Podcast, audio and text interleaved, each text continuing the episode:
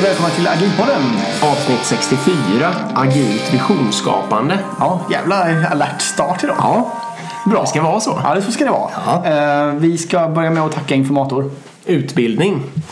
Eh, som är med oss och gör den här podden möjlig. Ja. Eh, gå in på agilpodden.se. Klicka på informatorloggan.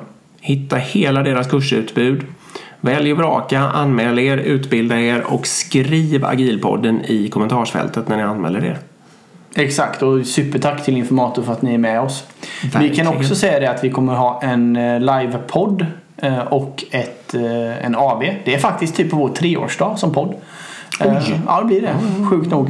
Ehm, och ehm, gå, med, eh, gå in på Informators hemsida och anmäl er där också. Om ni inte hittar länken där till den här livepodden som är 27 november. Just det. Så kan ni skriva till oss på Instagram eller på LinkedIn eller var som helst så kan ni få länken av oss så får ni gå in och anmäla er. Det vore jättekul om ni kom dit. Det är ju deras lokaler på Karlavägen. Yes. Och det är någon slags begränsade platser så att vänta inte för länge. Nej? Och jag tror det är 17.30. Ja, det är något sånt. Det är en AV helt enkelt. Bra, ska vi börja dunka in på dagens ämne då? Mm, det ska vi göra. Agilt visionsskapande. Herregud, var ska, vi börja någonstans? Ska vi börja med din... eh, vi, börjar med din vision, mission, strategi. Ja. Vad, är, vad är det Ska vi, ska vi börja den hörnet? Jo, precis. Det är egentligen... Alltså jag har min tolkning av det här och det finns olika tolkningar. Nej, nej, nej. nej. Det, det, det han säger nu är, är rätt. Ja, så, såklart. Jag Ja. ville bara vara lite ödmjuk för en gångs skull. Naturvetenskapligt exakt rätt det. Exakt. Kör. Så. Eh, då är, jag ser det så här. Mission eller mission, det är det som... Vad, vad, om vi hade försvunnit idag, vad hade inte blivit gjort då? Eller alternativt, vad är det vi, vad är det vi gör och uppehåller idag? Så det är, inte någon, det, är ingen, det är ingenting vad vi ska vara eller vad vi har gjort, utan vad, vad gör vi idag? Liksom? Det, är, det är mission och mission. Eh, Vision är vad ska vi? Vad vill vi vara? Så man kan se det som om man lägger eh, mi- mission eller mission på botten så kan man lägga vision eller vision över det. Och så kan man säga att det är dit vi vill som eh, organisation, som företag, som grupp, som team eller som projekt eller som initiativ eller vad som helst. Det är dit vi ska. Och sen då är frågan hur tar vi oss till den här, hur tar vi oss från mission till vision? Och är, det är ju själva strategin. Alltså vilka steg ska vi göra för att ta oss dit? Om vi nu då, bara som ett kul exempel, så kan vi säga agilpodden då kanske, eller vad som helst, eller vårt lilla mjukvaruföretag som vi låtsas ha här. Så kan vi säga att okej, idag så har vi x antal kunder och vi eh, gör något finanssystem eller vad det kan vara. Eh, Och vår vision är att vi ska releasa mycket snabbare, vi ska få kortare feedback-loopar eller vi ska, vad det nu kan vara. Vad som helst. Och då kan man säga att strategin skulle till exempel kunna vara då att vi ska göra en cloud-transformation. För idag har vi en otroligt lång ledtid på att få deploya vår kod till produktion. Så då vill vi göra cloud för att nå vår vision. Så då blir det ett steg från vår mission till vår vision egentligen. Så då skulle vi ha en cloud-strategi för att nå vår, vår vision. Men vad heter det? Är inte... Ja, det är så mycket jag vill säga här. Vilken ordning ska jag ta det? Jag tar någon ordning. tar någon. Är inte Agilpoddens vision är väl att vi ska ha en bättre värld genom att eh, den får en sån kultur så att den bättre anpassar sig till människors verkliga behov? Jo, det skulle, nu var det väldigt... Nej, något åt det hållet, men- Nej men absolut. Eller, eller förhoppningsvis någon form av kunskapshöjning eller inspiration för att våga göra en förändring och sådär. Ja. Ja, men eh, lite ja, att, alltså att människor inte ska sitta fast i gamla föreställningar om hur saker och ting måste göras utan att de ska göras på ett sånt sätt så att man uppfyller deras verkliga behov. Liksom. Där någonstans har vi Neo Agilpoddens vision. Det är det ju. Och vår, vår mission då skulle ju vara till, är ju att vi producerar den här podcasten till exempel. Skriver böcker. Eh, Vi skriver böcker och vi föreläser. Precis. Och sen eh, har vi vår strategi då är att föreläsa mer. Att skriva Ja. ytterligare en bok. Ja. till exempel. Och, och, och, vi tittar på översättningar och sådana där saker. Ja. Kan vara det. Och eh, starta um, podd på engelska och sådana där saker. Exakt. Kanske står lite i vår icke nedtecknade strategi. Ja. Det, jag vill toucha på här direkt bara är, för att det som jag sa nu är lite, utan att ha förberett mig, är lite taffliga ord. Det skulle man också kunna kalla för vårt purpose, vårt syfte. Vad är Mm. skillnaden på ett syfte och en eh, vision? Bra. Det är en svår fråga. Mm. Men själva, jag ser det som själva syftet är ju varför finns vi? Just det. Det svarar på frågan varför finns vi? Exakt. Och det gör inte riktigt en vision. Nej. En vision finns, vad ska vi? Inte varför finns vi? Eh, Men ett mission däremot är ju närmre. är ju närmare varför finns vi? Vad gör vi? Vad uppfyller vi? Vad, vad är det liksom vårt eh, vad är vårt syfte egentligen? Ja, men jag håller med dig och med det sagt så kanske jag tycker att det där som jag försökte formulera nyss är kanske snarare vårat purpose, vårat why faktiskt. Ja. Det är, precis, det är därför vi Men, håller och, på precis, med det här. Liksom. och ofta vill vi då att vi, vårt, vår, eh, vår vision skulle kanske vara till exempel då att ja, men vi vill finnas i hela världen. Idag finns vi bara i Mm. Sverige som podcast. Eh, Vi ska vara ett globalt, agilt inspirationsforum Mm. eller vad det nu kan vara liksom. Ja, det är sant. Eh, Alltså det kan ju vara ett, ett utvecklingssteg då. Mm. För att såklart sprida vårt syfte. Mm. Eh, Men, men det här blir ju lätt, lätt en begreppsförvirring också. Ja. Mellan alla, och det är väl inte det som är det viktiga heller. Eh, Nej, ska jag säga någonting? Eller vi touchar på det sista begreppet också, Mm. tror jag. Och det är slogan. Vissa företag har ju en slogan. Mm. Eller organisationer för den delen. Precis. Och Vad är det då? det är väl då mer någon form av kulturbärare. Ja, det förklarar för organisationskulturen kan man Ja, säga. det kan man troligtvis. Men det jag skulle komma till med det sagt, att nu har vi fört in de här fem begreppen. Ja. Att eh, de går ju i varandra. Och man, som organisation så är, är min hypotes i alla fall är att det absolut bästa är att hitta sådana här begrepp som passar och man behöver absolut inte svara på alla fem liksom, eller ha eh, Nej. nej, utan det gäller att hitta ett, ett upplägg som passar en själv. Lyckas man förklara sitt purpose på ett supertydligt sätt med några få ord kanske det även pekar ut visionen Ja. och så vidare. Nej men visst är det så. Och, men, men sen är ju också varför behöver man det här? Jag menar eh, vi i Agilpoddens eh, värld, vi har ju inget av det här nedtecknat. Nej. Eh, Vi har inget av det här bestämt. Det är klart vi pratar om det. Ja. Men eh, det beror ju på att vi är två personer. Så vi kan ju hela tiden stämma av det här. Vad vill vi göra nästa år? När är det dags för en ny bok? Vad ska den innehålla? Varför gör vi den? Och så vidare. Men problemet är ju när vi ska, om vi skulle skala upp vår organisation här och anställa 10 personer eller 20 eller 30. Och vi skulle sitta då eh, och, och ha massor med hjälp att göra det här. I form av att skriva böcker och göra utbildningar och föreläsningar och så vidare. Då skulle vi ju behöva hitta ett sätt kanske att hålla samman de här eh, människorna till ett syfte med varför finns det här företaget och vad ska företaget? För att helt enkelt säkerställa att vi inte divergerar och gör saker som motstrider mot varandra eller att vi får folk som inte är motiverade för de förstår inte vad de tillför för värde och så vidare. Så det är ju egentligen först vid någon form av skalning som det här blir intressant. Annars så sker det ju mer dynamiskt eller vad man ska säga. Helt Ehm, sant. Och ja, Jag är lite sugen på att ta bara några exempel och jag vet inte, jag känner kanske för att börja i purpose. Man kan till exempel kan man ta 100% slavfritt. Vet du vems eh, purpose det är? nej. Det är Tony Chocolonely.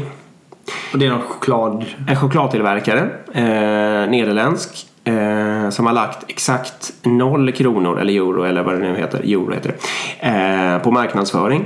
Eh, och som, det, det är ju någon människa som heter Tony som har startat det här och eh, vars liksom enda hela syftet med alltihopa är ju helt enkelt att framställa choklad på ett eh, fullständigt rättvist eh, eh, upplagt sätt utan då nå- något slaveri alls. Ehm, en annan kan ju vara Accelerate the world's transition to sustainable energy. Tesla. Mm. Stämmer. Några ingenjörer, inte bara Elon Musk tror jag, utan några, några stycken som ska- skapade Tesla. Oh, det var inte alls länge sedan va?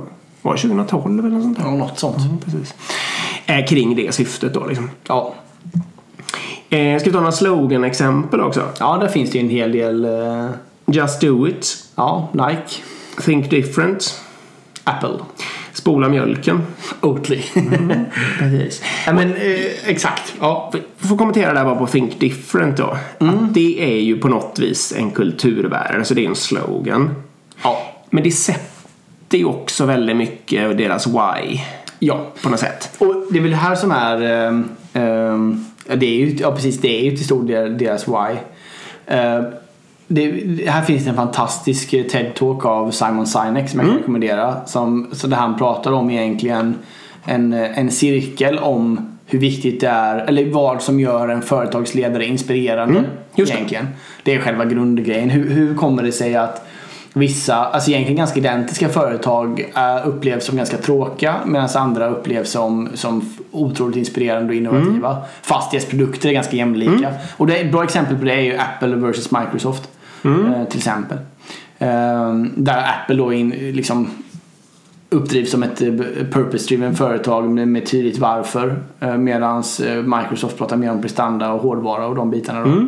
då har han byggt egentligen ju en modell som är tre cirklar. Där den innersta cirkeln är why, den mellersta cirkeln är how och den yttersta cirkeln är what.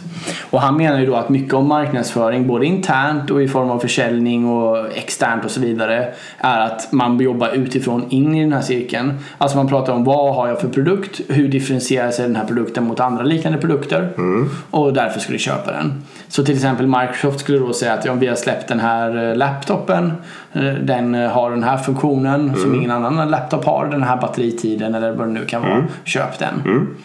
Ehm, och det är så man marknadsför det. Det som han menar är det som skiljer dem mot Apple är att de pratar istället inifrån och ut i den här eh, cirkelmodellen. Så de börjar prata om varför. Varför finns vi liksom? Vi finns här för att utmana status quo. Vi finns här för att tänka annorlunda. Därför har vi skapat en skitbra dator. Men de pratar egentligen inte om vad den här datorn har för prestanda. För den här prestanda, sanningen med Apple-datorer är, ju att ofta har de en mycket sämre prestanda än motsvarande Microsoft och den är dyrare. Men det spelar liksom ingen roll. Nej, för den är annorlunda. Exakt. Och den utmanar status quo och du känner att du är en del av ett, ett, ett varför, ett, ett större purpose. En kult på något sätt som gör att du köper deras produkter. Och det, det som är intressant här också det är ju att det gör helt plötsligt att du kan tänka dig att köpa vad som helst av Apple. Du kan tänka dig att köpa en iPad, du kan tänka dig att köpa en telefon, du kan tänka dig att använda deras betallösningar. Alltså de går in i hur många olika branscher som helst. Och du följer egentligen bara efter för att du följer deras purpose. Du, tror på, du förstår varför företaget finns. Och det är det här som gör att det blir ett inspirerande företag som folk vill följa. Och jobba på för den delen. Och vill jobba på exakt. Så de får en, en otrolig fin effekt av att prata mycket om sitt varför. Eh, och det kan man ju då koppla till det här varför ska man ha vision och strategi och mission och så vidare. Och det är just precis detta. Det här blir ju effekten av det. Och hans tes är ju också, du kanske sa det, men det är ju mycket att de, alla organisationer vet eh, vad de gör. Vissa organisationer vet hur de har, alltså hur deras affärsmodell ser ut liksom, eller många vet det. Men det är absolut inte alla organisationer som vet varför de finns. Nej.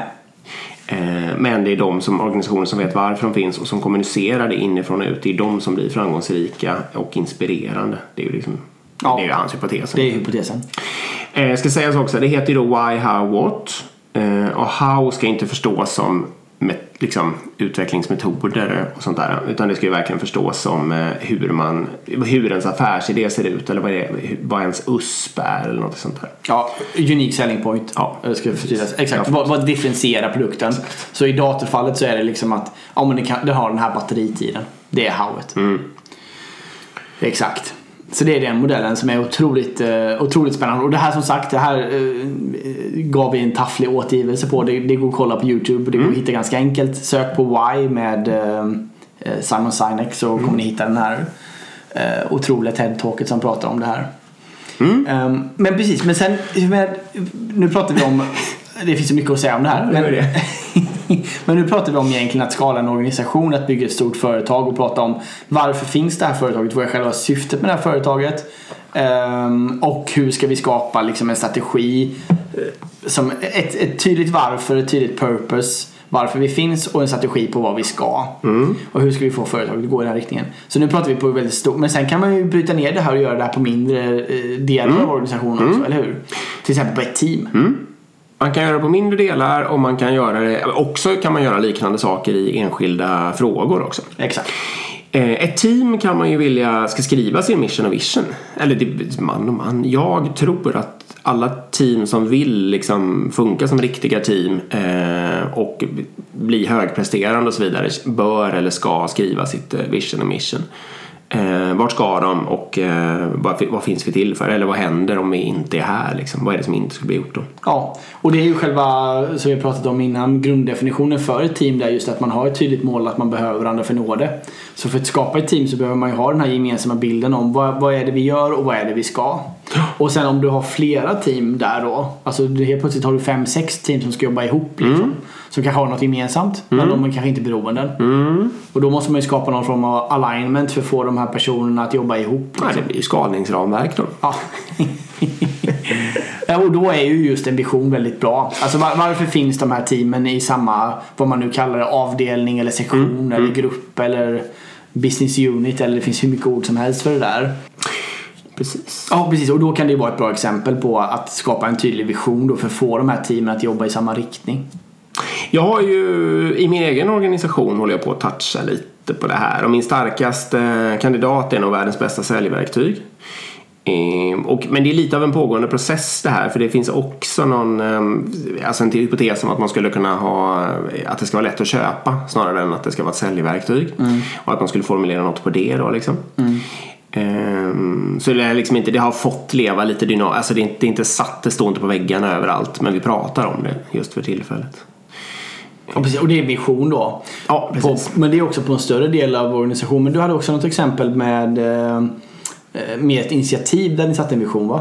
Ja, precis. Om man eh, till exempel vill eh, rekrytera så kan man ju till exempel säga att eh, vi vill inte, alltså vi ska ha noll konsulter till exempel. Om man vill eh, ha det. Och sen så kan man behöva förklara varför. Ehm, för det är, väldigt, det är, det är faktiskt är det ett bra exempel på en fråga där man inte bara ska säga den här visionen. Det är lätt att förstå att här ska inte vara några konsulter i den här organisationen. Alla förstår det. Men, men ingen, folk kan tro att det döljer sig kostnadsbesparingar och sånt där bakom. Ehm, och då är det inga dubbla lojaliteter skulle vara min förklaring i tre ord på, på varför liksom, Ja. den frågan är viktig. Ja.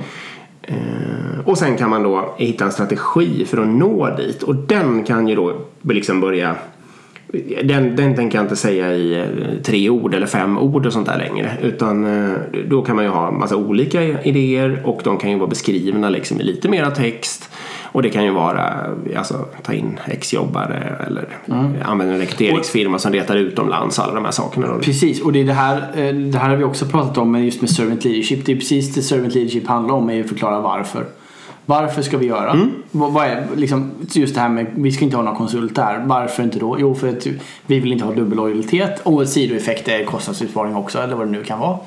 Eh, och då är frågan, okej, sen hur gör vi det här då? Då, då måste man engagera. Om vi nu har en, en, en del av en organisation som har satt upp det här målet. Då måste man ju engagera de här, alla de här människorna i att okej, vilka metoder, vilka strategier ska vi nu tillsammans ha för att göra det här då? Okej, men om alla till exempel kan kontakta en gammal kollega eller en vän och fråga om de är intresserade av att byta jobb. Det skulle kunna vara en tydlig strategi för att okej, bra, det skulle öka vår kandidatpool jättemycket. Eller som du säger, vi, vi ska satsa på X-jobbare, vi ska in 100 X-jobbare eller 50 X-jobbare under en period och så hoppas vi på att kunna anställa 10% av dem för de är tillräckligt bra eller någonting. Ehm, men då får man ju den här effekten av att vi har en grupp som jobbar visionsdrivet. Alla vet vad vi ska, alla förstår varför vi ska dit. Och då blir det ofta väldigt roligt att jobba i det också. Man får ju verkligen den sköna effekten också att man kan, det behöver inte vara någon centralstyrd strategi kring det här utan eh, det, det skapas ju, och så här är det ju också mycket riktigt i min organisation, det skapas ju små eh, arbetsgrupper kring olika sådana där, eh, så, så kan man göra det som man själv tror på liksom. Exakt. För det är omöjligt att säga att den ena metoden är bättre än den andra där och alla bidrar till målet. Så det är liksom ingen, man behöver inte bestämma så här att alla ska rekrytera på det här och det här sättet. Nej, Man verkligen. kan få det att gå framåt på många olika sätt samtidigt. Ja. Ja, men det är otroligt starkt. eh, Och men jag tror också det- man märker trendmässigt också vid rekrytering och så vidare. Det är ju att många unga idag vill ju jobba eh, vill ju jobba utifrån ett purpose, alltså utifrån ett syfte. Det blir viktigare och viktigare. Men jag tycker till och med man ser det att städfirmor profilerar sig baserat på ett syfte.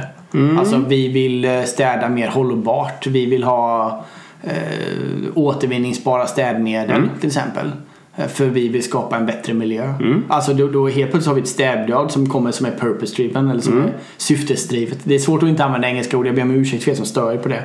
Men man, man pratar engelska på jobbet hela dagarna så det är så svårt att ställa om till svenska med alla de här begreppen. Men att jobba syftesdrivet, jag menar det kommer ju till och med vara snickare som kommer nu och, och, och alltså det, det här slår ju ut i alla branscher liksom. Där är det viktigt att att man har tydligt varför, varför finns just det här snickeriföretaget och vad är deras syfte och hur differentierar sig de mot andra. Det, det är min trendspaning framöver. Mm, ja, verkligen. Jag ska säga också att det här med eh, när man bryter ner det på en enskild fråga. Eh, det är ju lite, alltså eh, konceptet med OKR är ju lite att göra det skulle jag vilja påstå. Ja, exakt. En metod liksom som man kan ta till. Och där har vi ju ett annat avsnitt så jag ska inte gå in och bara tjata om det. Men bara så ni känner att det finns en koppling dit. Liksom. Ja, verkligen. Och menar, det, det, OKR har ju den fantastiska effekten att man ofta inte behöver jobba så tydligt med Nej. vision och strategi. För det är inbakat i modellen. Mm. Alltså, eh, ofta säger ju objektiven, det är ju ett stretch goal, alltså vad ska vi? Medan KR är faktiska strategier för att komma dit. Eller hur? Mm. Ja, precis. Ett objektiv är ju en vision i en enskild fråga på något Ja. Det är mest det- troligt. Är det. Och då kan man ju ha det på företagsnivå ända nedbryt på teamnivå och det kan ha en tydlig koppling. Så OKR är ju ett fantastiskt verktyg för att hantera den här frågan. Men man ska inte underskatta det här alltså, tror inte jag. Och jag, jag tror absolut man ska...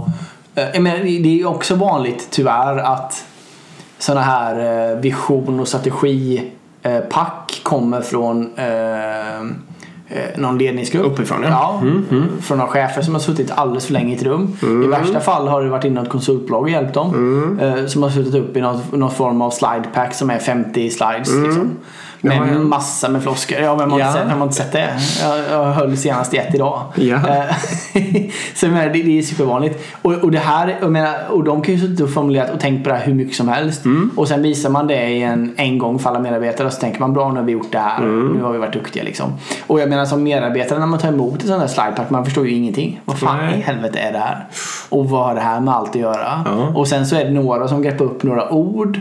Och så kanske det ska göras några workshop på de här orden då. Liksom. Ja. Ja, det, det, tyvärr är det ganska Ja, vanligt. Så jag, jag är ju väldigt för att man måste bygga det här underifrån upp på något sätt. Ja. Det är klart att det ska finnas en tydlig vision, vad ska företaget och så vidare. Men det måste ju vara på den här simpla nivån som du säger. Vi ska bygga världens bästa säljsystem. Ja. Okej, bra. Det går ju att ta på. Alla kan Ja. komma ihåg det. Ja. Eh, Det går att skriva upp på väggarna i princip. Eh, Och det går att koppla liksom sina initiativ till att man förbättrar det. Mm. Och ännu bättre kan man ju faktiskt då försöka ha någon, någon success metrics eller någon mätpunkt på att hur vet vi att vi gör det då? Mm. Okej, idag vet vi att vi, vi har den här kundnöjdheten till exempel. Mm. Eller vi säljer så här mycket i det här säljsystemet. De här aktiviteterna vi gör nu de närmsta månaderna ska ju ha en effekt på det, de grejerna då. Mm. Så vi märker att de strategierna vi har faktiskt tar oss närmare visionen. Mm. Så, så, och tyvärr är det ju för vanligt att en vision är, det är fyra meningar och det finns ingen människa i hela världen. Så, Ingen kommer ihåg det. Nej, nej. Jag går till vilken organisation som helst och frågar vad är visionen för det här företaget. Så kommer 95% inte ha en aning. Det, så kan det vara. Ja. Jag vågar påstå att det är så. Jag tror att Apples medarbetare känner till, eller skulle kunna svara Think Different. Antagligen kan hela världen svara på det nästan. Mm. Ja men, men precis, precis. Så den, den är ju bra då liksom. Ja, det är ju ett bra exempel. Den är väldigt kort och tydlig och, och eh, ja. Där, man, man, man får direkt en relation och har, man får en förståelse. De flesta människor får en likartad förståelse över vad man är ute efter. Det kan man ju säga är styrkan i det. Eh, jag, har lite, jag ska bara spana lite på det här att om man tittar på Precis, man, om man säger så här, eh, så här tror jag ska formulera mig förresten. Och du var inne på det nu. De största felen som man gör, om man gör de största felen på vision, då är det just att man kommer fram med något som inte går att komma ihåg och som är för långt eller som behöver förklaras. Alltså, ja. Eller som är liksom helt... eller alla de här tre sakerna som jag just sa. Ja. Eh, ja exakt i värsta fall. mission. Eh, där är kanske det, det vet jag faktiskt inte, det kanske man inte gör så mycket Ja, fel. det, det största misstaget är att man sätter sin mission som vision. Ja, det kanske Att man har på att blanda ihop de här begreppen och, och, Men det, det kanske inte spelar superstor roll heller. Det- men det, det är viktigt att... Inte farligt. Nej men så här ska jag bara säga, för det här är viktigt. Att eh, om man nu kringgår eh, min definition, som är den allmängiltiga rätta definitionen. exakt. eh, då, måste man vara, då måste man vara tydlig med modellen, hur hänger det här ihop? På sitt företag. Så alla inom företaget har samma bild om att för oss är mission det här. Och det- för oss är vision det här och för oss är strategi. För om man håller på att blanda ihop, det kommer bara skapa förvirring och folk kommer ta, tolka det olika. Det sista felet då, och det, det nämnde ju du verkligen, och det är på strategi då. Och där är det absolut vanligaste felet skulle jag vilja säga att man jobbar alldeles för länge med den. Ja. Och i en alldeles för liten skara. Ja. Strategi liksom är, vad ska man säga, man måste vara, det är lite som en mikrotjänst. Att man, man borde vara beredd att kasta den hela tiden. Man borde kunna göra om den på en någonting, inte vet jag, på ett möte eller något sånt där. Eh, för att om det blir tjocka slidex och det är många förklaringar och det, det, det byggs in mycket prestige. Många människor liksom eh, känner att min, mina små formuleringar här, de har jag fått slåss för för att få in. Och då om man liksom sen vill skrota hela skiten och prova ett annat sätt att nå sin vision, då liksom får man ett ramaskri av att nej men det här är jätteviktigt för mig och dadla liksom. Eh, Så där behöver man ju, ja, jobbar man naturligt med OKR då löser det sig på något sätt. För då blir liksom, då byggs strategierna kring de, hela mätsystemet och man behöver inte hålla på och lägga för mycket energi på det. Men gör man inte det då ska man verkligen akta sig för att jobba för, för länge och för enskilt. Och man, får, det, man måste verkligen kunna kill your darling där, ja vad nu det heter på svenska. Döda sin älskling. Alltså man får inte, man får inte bli kär i dem och, och vilja behålla dem Nej, liksom, i all evighet. Nej men verkligen och, och eh, ja, det är väldigt vanligt att, att strategin kommer uppifrån och att eh, den inte, de- den blir väldigt icke-effektfull. Precis. Alltså jag, jag är ju av, av åsikten att man inte ska ha en strategi om man inte har koll på detta. Nej. Så jag rekommenderar nästan de flesta företag att inte hålla på med det här för det blir ofta fel. Och just också att, i alla fall vad jag har sett, eh, just också att strategin också Många gånger lägger man en strategi utan att berätta sin vision eller vad man ska eller varför. Ja, precis. Som gör att då är det bara en strategi. Som inte Alltså vilken riktning pekar den här strategin? Varför ska vi göra en cloudresa? Eller Ja. varför ska vi ta bort konsulter? Eller varför ska vi göra alla de här sakerna? Om inte det finns en tydlig liksom, riktning för alla de här strategierna. Att jo, det är för att vi ska komma till det här tillståndet. Eller för att vi ska uppfylla det här syftet. Då finns det liksom ingen mening med en strategi för bara Nej. sakens skull. Och då får man ju få, det blir ju jättesvårt att få någon att följa. Det är ju som helt enkelt som att ha en väg eller någon slags metod eller någonting jättetydligt beskriven. Men, men inte alls förklara vad det kan tänkas vara som finns i slutet av den där vägen och varför man överhuvudtaget ska börja gå på den. Liksom. Exakt. Typexempel är ju den här det står en gubbe med en pickaxe, vad heter det för någonting nu då? Ja, en, och hackar sten liksom. Eh, och tänker, här står jag och hackar sten och så ser man eh, alternativet som precis likadan gubbe och hackar en precis likadan sten precis bredvid. Men den står och ser ett slott framför sig som man håller på och bygger med de här sönderhackade stenarna. Liksom. Och vilken skillnad det är eh, i motivation och arbetsglädje och, och liksom säkert förbättring och allting. Trots att det liksom rent sakligt inte är någon skillnad. Varje hack just där och då är ju ingen skillnad. Och det är, ju, ja, det är ju därför man behöver förklara sin vision och sitt purpose. Så, det vill jag säga också. Om man, eh, om man bara orkar med, eller liksom, man måste, behöver alltid börja i eh, purpose eller vision. Och eller vision beroende på hur man vill uttrycka sig då. Eh, och sen, alltså strategi behöver på något vis komma sist när man har lyckats kommunicera och få folk att eh, to buy in, att köpa, alltså att acceptera purpose och vision. Ja. Nej men jag håller helt med. Ehm, jag håller helt med. Jag skulle fråga också. em, kulturen äter strategin till frukost. Mm. Har du hört det? Jag har hört det. Ja, jag har hört det. Håller du med? Ja, jag, jag, jag vet inte varför jag är skeptisk mot just uttrycket. Jag bara är det. Men e- egentligen är det ju så att, jag menar, speciellt om, om man säger att eh, om man jobbar med en strategi som inte förklarar det här som vi precis sa med varför vi gör det och, och vad vi ska någonstans. Utan man har bara slängt upp massor med buzzwords på en vägg eller man har skapat ett dokument eller ett slide eller vad det nu är. Eh, då spelar det ju inte dem, det kommer ju ha noll effekt. Ingen effekt alls. Och om man istället skulle jobba på kulturaktiviteter så skulle det ha mycket större effekt då. Och, det, och utifrån, den, utifrån det perspektivet så säger man att kultur äter strategi till frukost. För Kulturen är mycket viktigare än vad strategin är. Och det är väl antagligen för att om man fost- fostrar rätt kultur eh, så kommer det skapa massor med egna initiativ som skapar massor med egna eh, strategier som gör att saker händer och går i en riktning. Eh, Eller? Vad tycker du? Ja, jag håller med dig. Och om jag ska krispa till det ändå mer då kanske i det uttrycket kulturen äter strategin till frukost då är det kanske lite så att eh, en tänker sig strategin inklusive vision och purpose och sånt där. Och då är det ju lite att om det finns en organisationskultur eh, som är stark, eller någorlunda stark och någon företagsledning eller liknande kommer dragandes med något sånt där strategidokument även med en vision och ett purpose och kanske även lyckas prata lite kring det. Men det går emot organisationskulturen. Då kommer organisationskulturen att vinna. Ja. Det är det det betyder liksom. Ja. Eh, Så det betyder ju inte att man inte får ha strategier och, och så vidare. Men det betyder att om man, man måste, när man gör dem så måste man beakta dels kanske framförallt den organisationskulturen som du har. Men, och även då förstås beakta möjligheten att sakta, sakta förädla och förändra den. Men, men inte bygga någonting som går tvärs emot. Ehm, precis, det skulle ju vara svårt för Apple nu att, att kasta in en strategi som skulle innebära eh, att de skulle kopiera något företag. Så alltså att de, Ja. något sånt, Bra exempel. Liksom. Ja. Det är ingen som jobbar där skulle, skulle vara allra minsta sugen på att ta tag i den frågan. Liksom. Eh, helt enkelt. Och, och då får de bara söka sig till andra jobb eller, eller bara skita i den strategin och göra som de gjorde igår och så vidare. ja, lite så.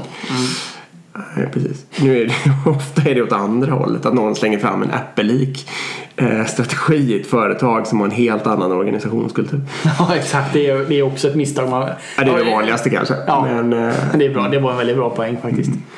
Ja, det, är ju en begreppsförvirringsvärld detta men eh, jag, jag tycker ändå själva slutpoängen blir ändå att jag tycker det är viktigt att jobba med oberoende om man väljer att fokusera på om det är strategin eller om det är visionen eller om det är syftet eller om det är en slogan eller om det är ditt varför eller om det är ditt syfte. Så är det viktigt att hitta, hitta en modell som förklarar vart är vi på väg och varför är vi på väg dit. Och att man inte, att man inte hamnar i den här fällan att man skapar strategidokument eller strategiark som bara visar massor med buzzwords eller saker som inte förstås. precis. Eh, det, det är väl själva mm, syftet. precis. Eller själva huvudpoängen. Och sen också just att titta, om man, om man tycker det här är intressant och man känner det här skulle vi vilja göra mer inom. Då rekommenderar jag verkligen att titta in på OKR. För man får väldigt mycket av allt det här gratis om man använder OKR i en organisation. Om man använder OKR någorlunda bokstavstroget eller vad man ska säga, alltså inte fullständigt bryter mot eh, reglerna utan någorlunda håller sig till dem. Då kommer man ju få, det går ju inte att göra, det blir ju så här då liksom. Ja, det, det blir exakt. Det blir ju så här. Ja, precis. Det är det som är det fina. Utan att man behöver tänka Ja. så mycket mer. Nu är det svårt nog i och för sig att sätta upp smarta OKR som följer de där reglerna. Så att, Det är jättesvårt. Ehm, jag skulle knyta ihop säcken också med frågan vad har det här med agilt att göra? Ja, det är 30 minuter senare. För det avsnittet hette ju agilt visionsskapande. Ja, bra. Ja, men så svara på min egen fråga så eh, ja, det är ju inte, det är ju, det är en relevant fråga då för det har ju inte nödvändigtvis med agilt att göra. Man skulle kunna ha en icke-agil organisation och det skulle fortfarande vara väldigt, väldigt smart att göra på det här sättet. Så att säga. Ehm, och varför det har med agilt att göra är ju för att om man har gått ganska långt i en agil kultur och har mycket autonoma team, människor som tänker själva och så vidare. Då blir det ju fullständigt avgörande att man lyckas jobba med visioner och med purpose. Eh, med syften. Eh, för att annars får man ju det här, ja man får liksom inte alignment i riktningen utan människor kommer börja bli, ja, ledsna, göra vad de vill eller springa åt massa olika håll och så vidare. Om man har någon icke-agil kultur som är mera styrande så kan det ju hända att man kan få någon form av framgång genom att bara be folk följa den där vägen eller hacka den där stenen utan att förklara varför. Liksom. Så det har det väl med agilt att göra. Absolut. Och sen jag menar, jag skulle också säga att OKR är ju ett agilt iterativt sätt att ta Ja. fram strategin och jobba med visionsskapande och så vidare. Alltså, alltså att inte sätta en en femårsplan på visionen och sen göra strategier för att nå dit och sen inte ändra det på fem år liksom. Utan jobba med det på ett mer iterativt sätt och iterera fram och innovera fram på de olika strategierna och, och visionen också. Så det är väl kopplingen till agilt gäng. Något Ja. mer kring det? Nej, nu släpper vi det. Då släpper vi det. Då ska vi gå över på en lyssnarfråga faktiskt. Nu har de fattat. Ja, exakt. Ja, Och, ehm, Ja, det här var bra för mig också känner jag. Otroligt bra att reda ut alla de här begreppen. Eh, Det ska sägas också att förra, förra, förra veckans, eh, förra avsnittets koncept med att jag inte har hört frågan, det gäller idag också. Exakt. Då har vi fått ett eh, lyssnarmail här Eh, från en eh, kille. Han skriver Hej! Jag vill börja med att tacka för en underbart underhållande podd. Jag har lyssnat på så gott som alla avsnitt och framförallt är jag intresserad av agil skalning så min fråga är kopplad till detta. Ja men det är, vi ska inte gå allt för mycket safe. Nej då. Nej, den här, det är en väldigt bra fråga. Ja. Ehm, Klart det är en bra fråga. Vi har ju bara vi smarta har bara lyssnare. smarta människor som lyssnar på den. Ja. När ni pratar om att skala agilt får jag intrycket av att ni sammanlänkar den skalningen med att addera flera team, människor, än vad som tidigare arbetat på ett produkt eller ett system. Min tanke är att många som skalar gör detta utan att addera fler människor. Utan genom att skala själva metoden. Till exempel kanske att teamet arbetat eller försökt arbeta enligt Scrum men levererar i en traditionell kontext med projekt etc. Då innebär skalningen att deras arbete skalas men inte antalet eh, människor. Uttrycker mig lite trubbigt här, medveten om att det är mer ett arbetssätt. Vad är era tankar kring detta? Har ni också redan dryftat saker i något avsnitt eller har jag missat det? Tack igen för en superbra podd. Så vi pratar egentligen om metodskalning eller vertikal och horisontell skalning skulle jag kalla det. Ja, herregud. Ja, de, de begreppen vet jag inte om jag vågar.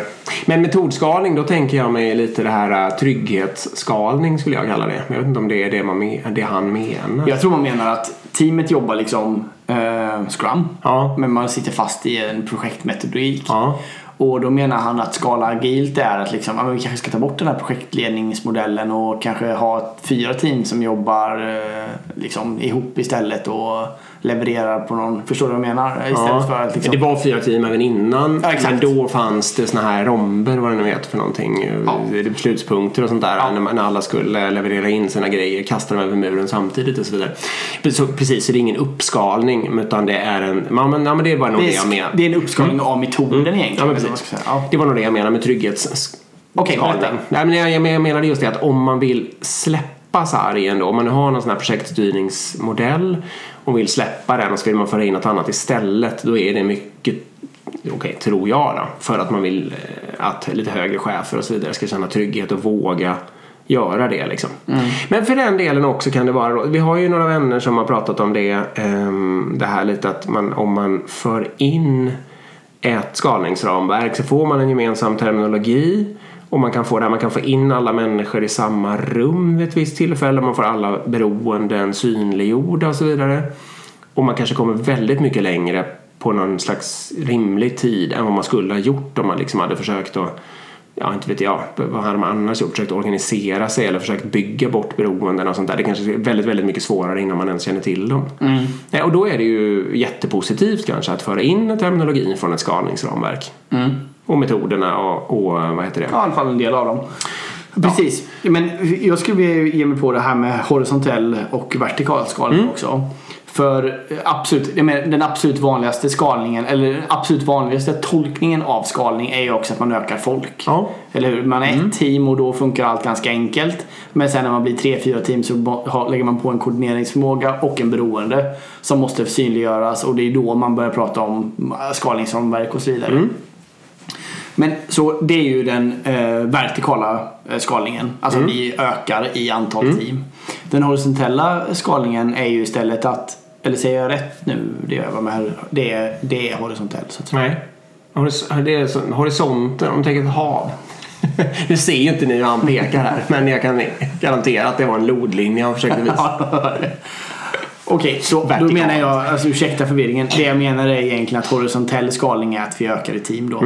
Vertikal skalning är istället att vi börjar involvera verksamheten eller att vi utbildar våra chefer eller att vi får med inköp och vi får med eh, marknadsavdelningen och vi får med liksom delar av organisationen egentligen.